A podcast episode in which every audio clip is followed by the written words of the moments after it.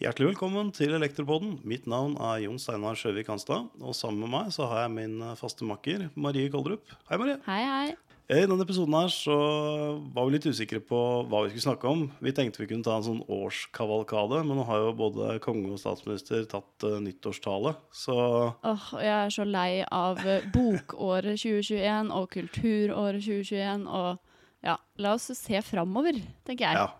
Veldig bra. Det, det var det vi landa på. Nå ser vi heller hva vi skal uh, Hva som skal skje i 2022, hva vi ser føringer på nå, hva vi skal drive med selv, og hva som kommer, uh, kommer uh, utenifra. Ja. Det blir jo ikke uttømmende det her, det har vi ikke tid til. Da kommer vi til å sitte med podkast i, i flere uker. Men Ja. vi har tatt en liten sånn seleksjon på, på temaer. Mhm. Uh, og noe av det du har jobbet mye med, Marie, og fortsatt jobber mye med, er jo, er jo solstrøm. Mm. Og solstrømsmarkedet, hvordan, uh, hvordan ser det ut for 2022? Blir det, blir det vekst? Det blir vekst. Det, er jo, Ja. det har det vært det de siste ti åra. Så det, det er jo hyggelig å kunne si det, at det også er spådd vekst i 2022. Og både, både 2020 og 2021 Nå blir det litt uh, året som gikk, altså. Jeg hører det. Men uh, man må jo det når man skal snakke om året som kommer. Gikk du rett til fella? Rett til fella. Uh, nei da, men altså tross pandemi så har det jo vært en vekst i eh, solcellemarkedet, egentlig både i Norge og på europeisk nivå og globalt. Og det er det også spådd videre. Og fellesnevneren for de siste åra er jo at ingen klarer å forstå hvor stor den veksten faktisk er. For det blir jo hvert år spådd en lavere vekst enn det som faktisk viser seg å skje. Så det har jo igjen skjedd nå under pandemien, at folk, eh, eller store organisasjoner, har da nedjustert prognosene sine fordi de tenkte pandemi, oi oi, dette lover ikke Mm. godt, vi justerer ned prognosen. Men så har vi nå i ettertid sett at eh, de, de ble nedjustert litt for mye, da. Så veksten ble litt mindre enn man hadde forventa, men det ble fortsatt en vekst, og den ble større enn det den ble nedjustert til. Så det er veldig gode tall for solbransjen. Og så er det jo denne fordømte høye strømprisen, da, som andre folk kanskje ikke er så glad i, men også i solbransjen. Vi smiler jo vi når vi ser høye strømpriser, for da veit vi jo at folk bestiller solceller. Ja. For det er jo en måte å spare energi på. Så det er jo på en måte en effekt av de høye strømprisene som vi ser nå, at uh, mange medlemmer sier at de har masse å gjøre og sprengt kapasitet. Fordi folk vil ha sol på taket sitt, rett og slett. Ja. Så det er jo godt nytt. Kjempebra. Da kommer jo denne lokale produksjonen fullstendig til sin rett, at du har et, eh, et anlegg som virkelig hjelper på strømregninga. For da vil jo nedbetalingstiden også bli bedre. Altså rentabiliteten i anlegget vil jo påvirke seg der. Helt klart. Og hvis man ser på eh, lønnsomhetsundersøkelser, da, hvor man har prøvd å liksom tenke seg til og tenke om strømprisen blir så og så høy, eh, selv i de aller høyeste scenarioene, hvor på en måte Statnett har dratt på litt, da, kan man si. Selv i de scenarioene så har de jo ikke spådd i nærheten av den strømprisen som vi ser nå. Nei. Så det har en veldig stor effekt på nedbetalingstida på et solcelleanlegg, det at man får flere måneder med høy strømpris. Ja, ikke sant? For det, er jo to variable parametere, altså egentlig basert på eh, vær, da. altså solinnstråling, Mm. og så basert på, på kraftmarkedet, og kraftprisen er jo det du regner ut ifra. Begge to er jo variabler. eh, Ja. Absolutt. Vanskelig å forutse. Ikke sant? Ja, vi har kjørt en sånn solundersøkelse. Mm. Det var jo noe av det første ja, du og, og Mari spurte meg om. Hva, hva vet du om, eh, om sol og, og medlemsmassen hos Steinar? Og da ble jeg jo selvfølgelig veldig svar skyldig, for jeg visste jo ingenting. Eh, så da satte dere i gang og lagde en solundersøkelse. Mm. Og jeg ble veldig overraska over hvor mange som, som var inne i, solmarkedet, og, og enda mer overraska over hvor mange som ønsket å gå inn i solmarkedet. Mm. Ja, vi har fått veldig gode tall. Nå skal vi jo kjøre Eller per nå så er jo den undersøkelsen nummer tre ute. Så jeg vil Mm. benytte anledningen til å si at alle som har fått den og sett den, svarer på den. Og det gjelder jo da medlemsbedrifter i Nelfo. Um, det vi så, var jo at uh, over 90% sier at de enten har levert ett eller flere solcelleanlegg, eller vurderer å satse på det i framtida. Og den andelen har jo økt de to åra vi har hatt undersøkelser. Eh, andelen som har um, vurdert å satse på det, har økt, og også andelen som har blitt aktive. Så vi håper jo veldig på at når vi samler inn tallene nå for 2021, altså året som gikk, eh, så ser vi den fortsatt eh, ser den samme veksten. Da. At det fortsatt er en økende antall, et økende antall bedrifter blant vår medlemsmasse som tar del i det markedet her. Og det i hvert fall nå som markedet skriker etter montører og installatører, så håper vi jo at det har et utslag i undersøkelsen, da.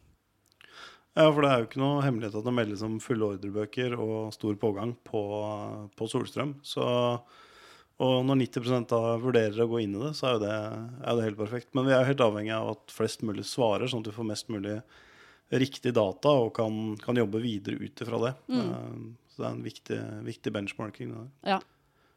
Eh, Men vi har jo snakket veldig mye om solceller på tak og solceller på bygninger. Enten i bygningskroppen, på taket, hus, eh, næring, eh, landbruk osv. Mm. Men det er jo også mer og mer snakk om bakkemonterte anlegg og litt mer sånn sentralisert eh, produksjon. Litt eh, mer storskala. Hvor, hvor står vi egentlig der? Hvor langt, eh, langt er vi kommet på det området i, i Norge? Eh, ikke så veldig langt. Vi har ikke et eneste bakmontert anlegg. Vi har ikke ikke en eneste solpark sånn det er nå. Men Oi. i 2022, hvis alt går etter planen, så Ja. kommer den første solparken i Norge til å starte produksjon. Eh, og det er veldig spennende. Og det har jo vært nå eh, NVE sitt prosjekt de siste åra å få på plass et nytt konsesjonssystem, på samme måte som vindkraft og vannkraft. At man kan søke Ja. om konsesjon for å bygge en park, og ikke bare et anlegg på et tak, men et større bakkemontert anlegg. da. Ja. Som da blir en, et kraftverk, rett og slett. Og i Ja. andre land så ser vi at uh, det er den andelen av solcellene, altså parken, som gjør at uh, det totale tallet, eller mengden solceller i et land, øker. Sånn som i Sverige, Mm. eksempel, hvor de har over ti ganger så mye solkraft som i Norge. Så er det jo parkene som utgjør den største veksten. Og også i Kina og i Afrika og lang, land langs ekvator, så er det jo på en måte de største parkene som utgjør den største andelen av solmarkedet. Så jeg ser veldig fram til å få på plass den første parken i Norge, for det tror jeg kan eh, starte en, en enda høyere vekst. da. Ja. Og det er jo kanskje lettere å få solgt seg inn i nabolaget med solceller montert på bakken kontra en sånn svær 17. mai-propell som står oppå et fjell og bråker og slår i hjel havørn og i det hele tatt. Absolutt. Så det blir spennende å følge. Det er jo ikke jeg ser veldig positivt på det prosjektet, men samtidig så er det jo også dette med at eh, så fort du plasserer noe på bakken, så er det jo ganske mye mer konflikter enn hvis du setter noe på et tak, da, som allerede er bygd ut, liksom. Ja. ja, vi får eh, bevege oss eh, forsiktig i, inn i bakkemonterte anlegg i, i 2022. Men da, Mm. da ser det ut som det også er et, et marked som vil, vil vokse. Og jeg tenker på kompetanse vil jo være svært viktig også her, at du har rett kompetanse. Men når du snakker om såpass store anlegg, så vil det også kanskje være nødvendig med, med høyspenningskompetanse. Man kommer vel fort over spenningsgrensene for, eh, for lavspenning her også. Da vil det jo være interessant for, eh, for bedriftene også å ha høyspentkompetanse da, inn i, inn i folden, hvis man ønsker å gå inn i, i den type markeder. Mm. Nå har vi snakket en del om eh, sol og produksjon, men kanskje like viktig nå med tanke på strømprisen blir jo dette med, med lagring. Mm. Og per nå så er det jo batterier som på en måte er den store ledende teknologien, og det som ligger nærmest, eh, nærmest vår bransje. Ja. Um, har du kikka noe på veksten i Europa der, Marie? Maria? Hva, hva skjer på en måte på kontinentet? Vi er jo i startgropa alle sammen her, men uh, hva, hvor mye ser vi for oss? Det er eh, overraskende mye, skal jeg si det. Okay. Det er, eh, altså, Solar Power Europe spår en vekst på 400% som er sånn dustete tall, egentlig. Men det er jo kjempehøyt. Det Eh, er kjempehøyt. Og det er da veksten av hjemmebatterier i Europa. Og da må Ja. man jo igjen ta det tallet med en klype salt, for når man hører sånne ekstremt høye tall, så er det jo som regel fordi at utgangspunktet er lavt, og det er jo fordi at vi er i startgropa. Ja. Men nå ser vi jo at eh, strømprisene er veldig høye, og Mm. tariffene blir mer og mer effektbaserte, og det er jo to veldig gode insentiver til å skaffe seg et batteri. Prisene synker, eh, og i tillegg så er det jo sånn at eh, Europa har en stor satsing på det her, altså EU eh, ønsker jo å være mindre avhengig av Asia når det gjelder batterier. Eh, Mm. Og det har jo satt i gang en del prosjekter over hele kontinentet, egentlig. Og også Mm. her i Norge. Så det er jo fire store selskaper som planlegger fabrikker, og noen av dem har allerede fabrikker. Og flere av de fabrikkene skal jo gå i drift i 2022. Så det er mange som sier at 2022 blir batteriåret. Eh, og det er jo litt kult. Eh, spesielt at det er så mange store aktører i Norge da, som skal realisere planene sine nå i løpet av kort tid. Ja, for det er veldig interessant det du sier der i forhold til uh, batterifabrikker, også i Europa og Norge. Mm. Fordi på alt mulig annet så har vi på en måte i stor grad skippa det ut til der det er billig å produsere ting, altså såkalte lavkostland, for å få ned kostnaden på produksjonen og få billigere og billigere produkter. Mm. Um, men med tanke på covid og den der båten som sto på tvers i Suezkanalen uh, noen uker, Ja. Eh, så er jo både dette med transport og det å få varer eh, egentlig på et sånt kritisk punkt for mange. Og da vil man kanskje se et skifte til mer lokalt produserte, produserte varer eh, i Norge også. ja, det har jo også pandemien fått oss til å innse at vi faktisk er veldig avhengig av andre land. Eh, Mm. og det er jo eh, til en viss grad bra. Eh, Ja. Men vi må jo også klare å produsere noe selv. Så det har Mm. blitt satt i gang en del prosjekter. Blant annet så har jo NHO, som vi er en del av, eh, lagd en rapport som heter 'Norske muligheter i grønne elektriske verdikjeder'. Eh, hvor de har sett på liksom, hva er de største mulighetene for eksport vi har i Norge. Hva kan Norge Mm. leve av framover? Og så har de dratt fram seks hovedpunkter. da. Eh, og da er ett av de batterier. Og flere av de andre Ja. punktene også er jo ting som innebærer batterier. F.eks. Eh, optimalisering av kraftsystemet, maritim sektor. Begge de punktene innebærer jo også batterier. Så det er på en måte eh, ja, et av de største eksportområdene som Norge eh, kan satse på i framtida, som har størst potensial.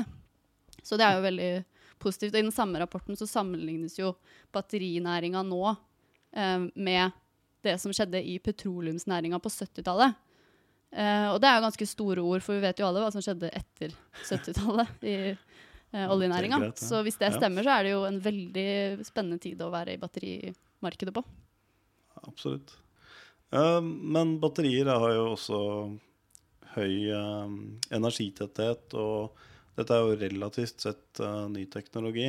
Og vi ballerer jo med eh, potensielt eh, farlige produkter her. Eh, hvordan skal vi håndtere det på best mulig måte? Ja, da må vi jo ha høykompetente folk da, som jobber Mm. med det her.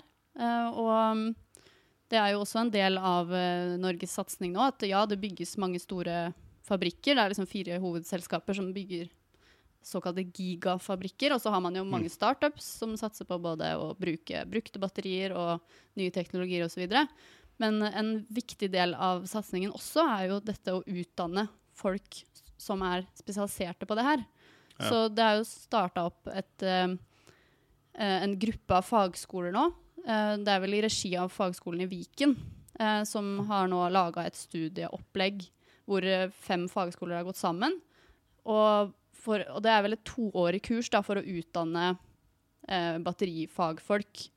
Mm. Uh, og starten er nå i 2022. Høst 2022 er oppstart, hvis alt går etter planen. Ja. Uh, og da vil jo de som går inn i det studieløpet, være ferdig utdanna i 2024-2025. Og det er jo da den store boomen er spådd, ikke sant. Så det er jo perfekt visst. uh, tima. Så også det er jo på en måte den ene delen av det. at Du trenger eh, fagarbeidere, altså fagskolefolk. I tillegg så er det jo starta opp en batterilab på NTNU. Den er vel et år gammel, tror jeg. Eller Mm. halvannet. Um, og der forskes det jo på, som du nevnte, energitetthet. Uh, først og fremst, da. Hvordan gjøre dette mer energieffektivt. Og det er jo både for å spare, um, spare CO2-utslipp, Mm. uh, men også fordi at i noen sammenhenger så trenger batteriet å være lettere. F.eks. i elfly så er det jo Mm. helt vesentlig at vi får på plass batterier som ikke er så tunge. Ja, definitivt. Men branner i batterier, Ja. hvor mye vet vi egentlig? Altså, eh, vi har jo sett noen skrekkbilder. Du kan gå på YouTube så kan du se en sånn Tesla som brenner med sånn skummel sveiseflamme, og du kan se ting som går opp i, går opp i røyk og eksploderer i det hele tatt. Men har vi nok erfaring? Altså, hva vet vi egentlig når vi plasserer et batteri ute, ute hos en, eh, ute hos en kunde? Har de, har de gjort noen tilnærminger der sånn bygningsteknisk? Ja, det er det jo. Eh, det vi vet, er jo at hvis det går gærent, så går det skikkelig gærent. Ja. For å si det veldig kort. Men eh, som jeg har nevnt flere ganger i poden, så har vi laga denne veilederen Mm. eh, sammen med brannvesenet og FFI og myndighetene. eh, hvor vi har sett på hvilke tiltak som er viktig å få på plass for å sørge for at eh, sikkerheten er ivaretatt. Da. Mm. Eh, og hvis man følger de eh, punktene som vi har satt opp i den veilederen, så er det jo sånn at et batteri er ikke noe mer farlig enn annet elektrisk utstyr. Eh, men det er jo som alt annet elektrisk utstyr at du må vite hva du installerer. Du må ha peiling. Du må være klar over risikoen. Så det er jo det viktige her. Eh, og så har vi jo sett at regelverket, eller standardene, henger litt etter i dette med konkretisering av tiltak. Så Ja. Vi har jo nå gått i gang med et spin-off-prosjekt eh, som starta da pga. denne veilederen. Hvor vi skal se litt på hvor stort batteri man egentlig kan ha i en bolig eller i et rom. Um, og allikevel da ivareta elsikkerheten, for det er det ikke gjort noe særlig Mm. forskning på.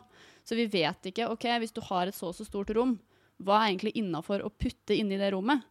Det avhenger jo Ah. selvfølgelig av hva det rommet er lagd av. Er det lagd av betong? Er det lagd av tre? ikke sant? Det Mm. har jo litt å si. Så i det prosjektet som vi i Nelfo har satt i gang nå, så skal vi se på forskjellige batteristørrelser, altså da i form av kapasitet, i Mm. forskjellige rom.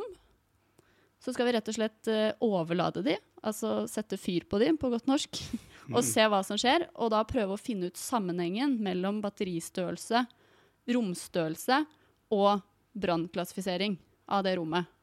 Mm. Så da håper vi å kunne få ut et resultat med en tabell som kan si noe om ok, du har det og det rommet i den og den størrelsen, du har den og den brannklassifiseringa. Da kan du ikke ha et batteri som er større enn 20 kWt, f.eks. Mm. Så det er den praktiske anvendelsen som vi håper å få ut av det forskningsprosjektet, som nå um, går av stabelen i vår. Så det gleder jeg meg veldig, veldig til. Det blir spennende. Det Mm. blir spennende å høre hva vi kan få ut der. Det er en sånn fin tverrfaglig tilnærming da, når man snakker både brann, bygningsteknikk og elektro i samme, samme moment. Mm. Det tror jeg har veldig mye, veldig mye for seg. Ja.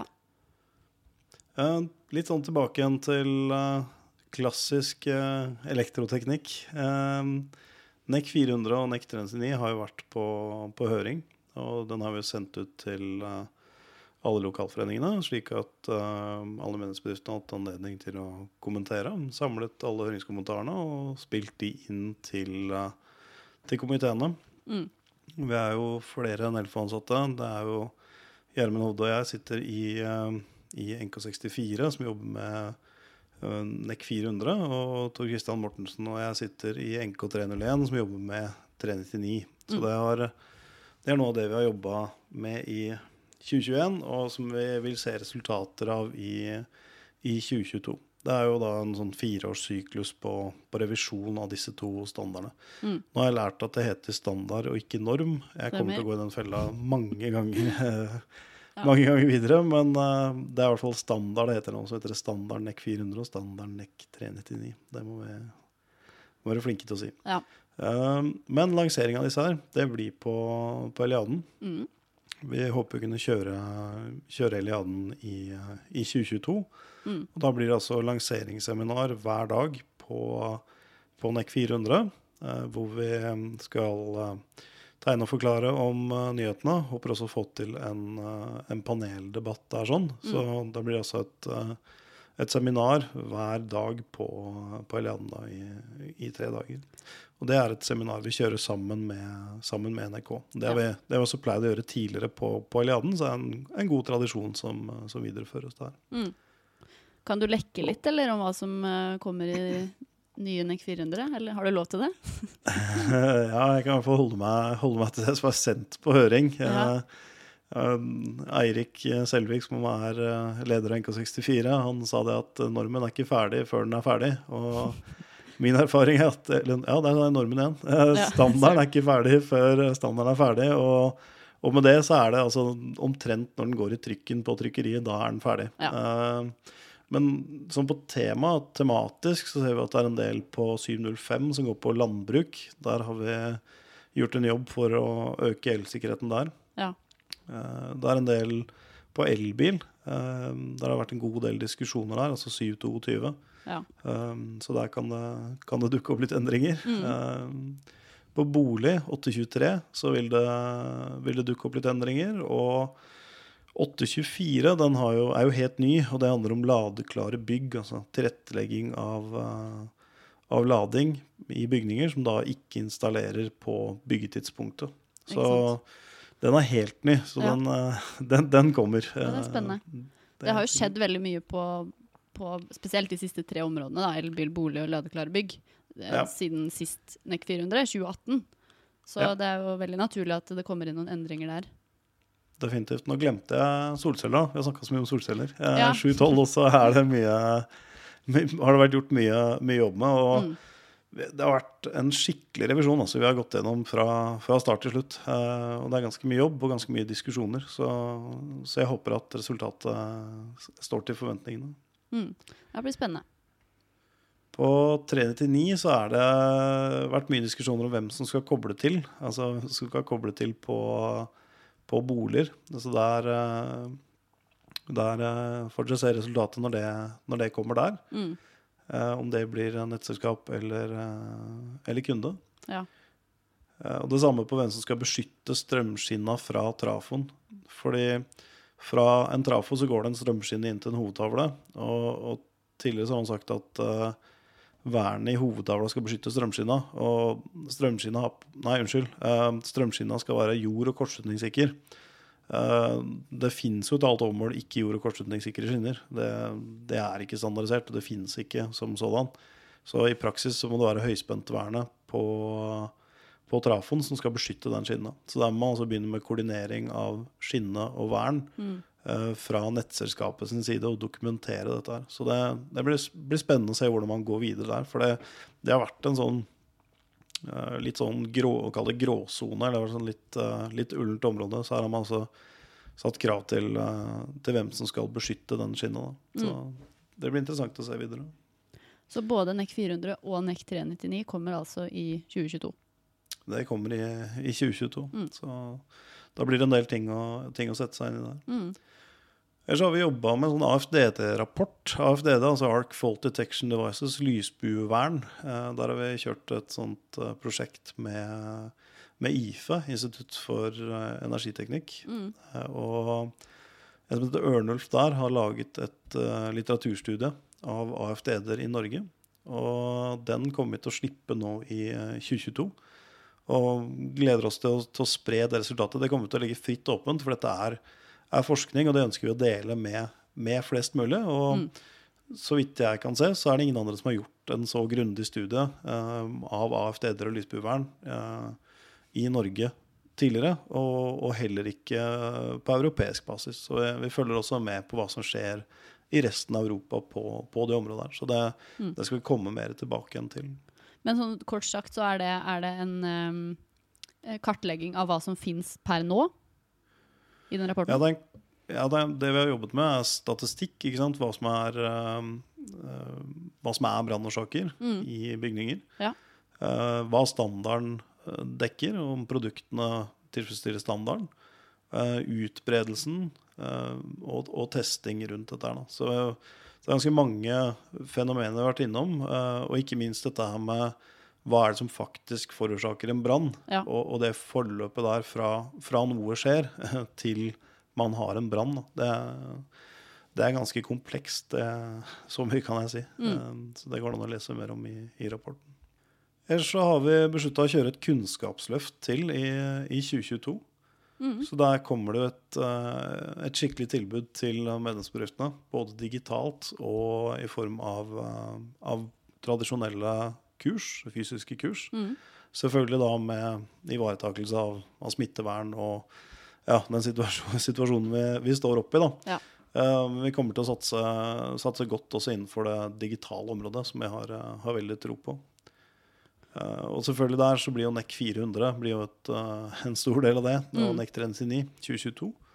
Eh, men også kommer til å fortsette å ha fokus på, på elkontroll og, og IT-sikkerhet. Så vi vil komme Mm. med flere temaer eh, etter hvert som de etter hvert som vi, som vi lander de og, og får, de, eh, får de opp og gå, gå fullt. Da. Så det, det blir et, eh, jeg kan love et veldig godt tilbud ut til, eh, til medlemsbedriftene i, i 2022. Så noen av temaene fra 2021 blir også altså Både elkontroll og IT-sikkerhet var vel fokus i fjor, så det blir på en måte videreført uh, i år. Ja, det kommer vi til å videreføre og ha enda mer trykk på i, uh, i året som kommer. Og det skjønner jeg godt, for det, det, går jo ikke akkurat av uh, moten, hvis det går an å si det. det, det, finnes, jeg tror ikke jeg har vært på telefonen og lest nyheter én dag jeg, uten at det er et nytt uh, IT-angrep. Det er et takknemlig område å jobbe med, hvis det går an å si det. Ja. Uh, I form av at det dukker opp saker hele tiden. Mm. Og det er jo, vi har vært så heldige å få lov til å samarbeide med Torgeir Waterhouse fra, fra Otte. Og ja. Jeg ser jo Torgeir på TV også eh, omtrent eh, daglig i forbindelse med alle disse sakene. Han mm. er en sånn go to guy og en, en guru innenfor IT-sikkerhet. Og vi kommer til å øke fokuset på dette området, eh, så mye kan jeg si, og, ja. og holde fokuset på det. Mm. Fordi du sier at du ser saker i media, eh, men det, det, jeg har registrert, er nå et taktskifte eller en endring i de sakene. Eh, for det første så dukker de opp fortere, altså, eller de øker i hyppighet. Helt klart. Men nå er det ikke lenger bare store mediehus og regjeringen og sånne type institusjoner som rammes. Vi ser også at smarthusinstallasjoner Det sto en artikkel i Aftenposten her hvor det var en, eh, en kunde eller en boligeier da, som sa at han hadde verdens dummeste hus fordi at uh, smarthuset hans hadde blitt uh, utsatt for et, uh, et IT-angrep. Mm. Uh, vi ser styringsanlegg på vannkraftverk som, som, hackes og settes ut av spill. Ja. Um, og vi, ja, vi ser som sagt mange eksempler på dette her. og fikk en e-post her for ikke så lenge siden hvor eh, en veldig stor internasjonalt og anerkjent god leverandør av KNX-systemer hadde en sånn safety bulletin eh, på akkurat dette med IT-sikkerhet. Det mm. har ikke jeg sett tidligere. Så det er liksom mange, mange ting, og det dukker opp rett innenfor vår bransje. Så, ja. så, her må vi bare holde trykket og, og sørge for at medlemsbedriftene får, får kompetanse på området og får opp øynene for området. Og mm. det gjelder ikke bare medlemsbedriftene, hele samfunnet for øvrig. Altså, det speiler jo, speiler en del av samfunnet. Ja, det er jo ingen som har lyst til å bli han fyren i Rema-reklamen liksom, som ikke klarer å åpne opp huset sitt fordi han har vært hos tannlegen. Og du har jo heller ikke lyst til å være installatøren som har levert det anlegget. Nei. få den telefonen av kunden og bare vet du, jeg kommer meg ikke inn i mitt eget hus, liksom. Nei. Hallo, Det er jo et elendig produkt, så du, verken eh, installatør eller kunde ønsker jo det her. Det er et, eh, det er et veldig godt poeng. og Kona mi også sier det at du får ikke lov til å fjerne noen lysbrytere hos Einar. De, de, skal være der. Jeg skal ikke ha en app for å skru på lyset. Det kan, du, kan du, glemme. Så det er liksom betegnende for det hele. Da. Ja. Så vi må nok eh, fortsette å fokusere på å lytte til, til kundene og, og brukerne. Ja. Men uh, jeg tenker like viktig er jo det å dokumentere det du faktisk har gjort. Mm. Så det er jo en sånn ting vi kommer til å jobbe med. Dokumentasjon. fordi idet det oppstår en tvist um, nå har jeg diskutert ganske mange tvister opp igjennom som, som, dukker opp hos oss i Nelfo, både med advokater og, og, direkte med medlemsbedrifter. Og vi har et veldig godt tverrfaglig samarbeid på Nelfo, altså juridisk og, og teknisk på disse tingene her. Mm. Og liksom grunnleggende for alt er at hvis du ikke har dokumentert det du driver med, hvis du ikke kan finne noe dokumentasjon på at du har gjort ting sånn eller slik, da, da ligger du ganske dårlig an. Mm. Så det gjelder å være litt bedre enn alle andre. Du må bare ha litt bedre sko, sånn at du løper fra, løper fra alle andre. Så, så, går det bra. Ja. Det er veldig viktig det her med dokumentasjon. Det, vi også, det, skal vi også ha et generelt fokus på i 2022 i Nelfo. Ikke bare innenfor IT-sikkerhet, men også at vi går gjennom all dokumentasjonen vi har. Og mm. fornyer og forbedrer og oppdaterer. Og kommer også til å lage nye dokumentasjonspakker etter hvert. For det ser vi jo et veldig stort trøkk på om dagen. Ja, definitivt. Vi har jo aldri hatt en så fullstendig revisjon som det vi, det vi kjører nå. Så jeg tror resultatet der kommer til å, eller jeg vet resultatet der kommer til å bli, kommer til å bli veldig bra. Det kommer til å bli veldig godt kvalitetssikra og, og, bli et skikkelig løft for, for dokumentasjon. Og da, da, vil vi også lage dokumentasjon på flere områder enn det vi har i dag. Mm. Ja, det har fått uh, en uh, flersifra liste over uh, områder som folk og medlemsdrifter ønsker seg dokumentasjon på. Så der har vi en jobb. Ja. ja da kan jeg øke mengden ytterligere, Marie, og ja. si det at uh, vi oppfordrer alle til å sende inn uh, forslag til hva dere ønsker dokumentasjon og sjekkskjemaer og den type ting på. Ja. Så, så, lager vi fortløpende en liste og prioriterer ut ifra det. Det er bra. Da blir ikke jeg arbeidsledig framover, i hvert fall. Nei, det er, eh, kan jeg garantere at eh, det er ingen som kommer til å bli arbeidsledig i elektrobransjen fremover. Det er jeg helt sikker på. Eh, Når det gjelder nye områder, nå har vi snakka om sol, lagring, batterier og, litt om, om rammebetingelser. Men en ting som har dukket opp nå i det siste, er dette med elektrifisering av båter også. Det er litt spennende. Ja, og hvordan, eh, hvordan gjør vi det? Ja, ja hvis, du, hvis du har noe godt svar på det, eller noen tips å komme med, så, så er jeg veldig takknemlig for det. Eh, Vi har jo ganske mye erfaring nå, jeg tør å påstå, med tanke på elbil og lading av elbiler. Ja, men en båt er litt annerledes enn en bil. Um, den har et batteri og den har en motor, og det er ganske likt sånn sett. Men, men når du begynner å putte ting på sjøen, eh, så må du ivareta elsikkerhet på en litt annen måte. Ja. Eh, og det ser vi jo fra, fra marinaer, hvor vi har en god del erfaringer. Altså vi har, Nelfo har uh, historisk lagd noen plakater hvor vi informerer om at vi ikke må bruke skjøteledninger, om vi bruker denne type, uh, type kontakter og plugger, urforbrytere osv. Mm. Og vi må nok tenke oss nøye om når vi skal begynne med lading av elbåter òg, altså. Ja. Og spesielt med litt større effekter. fordi sånn som lading av vanlige båter i dag, det går gjerne på 16, 16 ampere. Det er sånn typisk, eh, typisk til lading av batterier og forbruksstrøm på, på en båt. Men det er klart, skal du lade et batteri som er på størrelse med et bilbatteri, da, da vil det gå høyere strømmer. da. Ja. Hva er på en måte fallgropene der, da? Jeg tenker, eh, tenker hvordan du isolerer eh, det elektriske systemet i båten fra det elektriske systemet i, på land. Ja. Og ikke minst hvordan båten er jorda i forhold til moder jord. Mm. Eh, det også er viktig i forhold til, eh, i forhold til dette her. Og når du begynner å sette på ganske store strømmer, da, da blir jeg litt sånn bekymra for eh, galvanisk tæring. Det, Ja. det har vært en sånn utfordring opp igjennom. Så, så vi har litt ting å, ting å tenke på der. Ja. Det har det. Så, men jeg ser jo at det kommer. Jeg, den marinaen der er båten min, der ligger allerede Leangbukta, der ligger allerede noen sånne små elektriske båter som du kan, kan ta en tur med. Så mm. Kult. det er ikke noen tvil om at dette er et marked vi må også kikke på. Mm. Så det blir spennende. Men nå har vi snakka om mange spennende prosjekter, Marie. Vi sa jo innledningsvis at det var ikke noe uttømmende liste. Så Nei, jeg begynner å bli hes, jeg nå. Begynner å bli hes? Ja. Ja. så bra. Det er fint. Da har vi, da har vi fått sagt mange ting. Ja. Eh, Jeg tenker at vi, vi må jo bare love å komme tilbake med spennende informasjon på disse punktene her. sånn. Mm. Eh, og lage veiledere, lage kurs, lage webinarer. eh, Få ut mest mulig informasjon med god kvalitet til, til medlemsbedriftene som vi, som vi jobber for. Mm. Og så vil jeg bare snike inn på slutten at vi, Elektropoden fyller jo to år denne uka. Så det er jo litt Ja. ekstra hyggelig. Og i den anledning så tenkte jeg å bare minne på at vi har jo en e-postadresse som Ja. heter pod.nelfo.no, hvor vi veldig gjerne vil høre hva dere syns. Eh, vi vil gjerne ha både ris og ros, kanskje helst ris, egentlig. Eh, og eh, forslag til temaer, gjester. Vi er veldig mottagelige for det. Så send gjerne inn tilbakemeldinger der. Det var, var noen gode avsluttende ord, Marie. Så da håper jeg folk tar oppfordringen. Yes. Da er det bare én ting som gjenstår, og det er å Si takk for oss. Takk for oss. Takk for Ha det oss. bra. Ha det bra.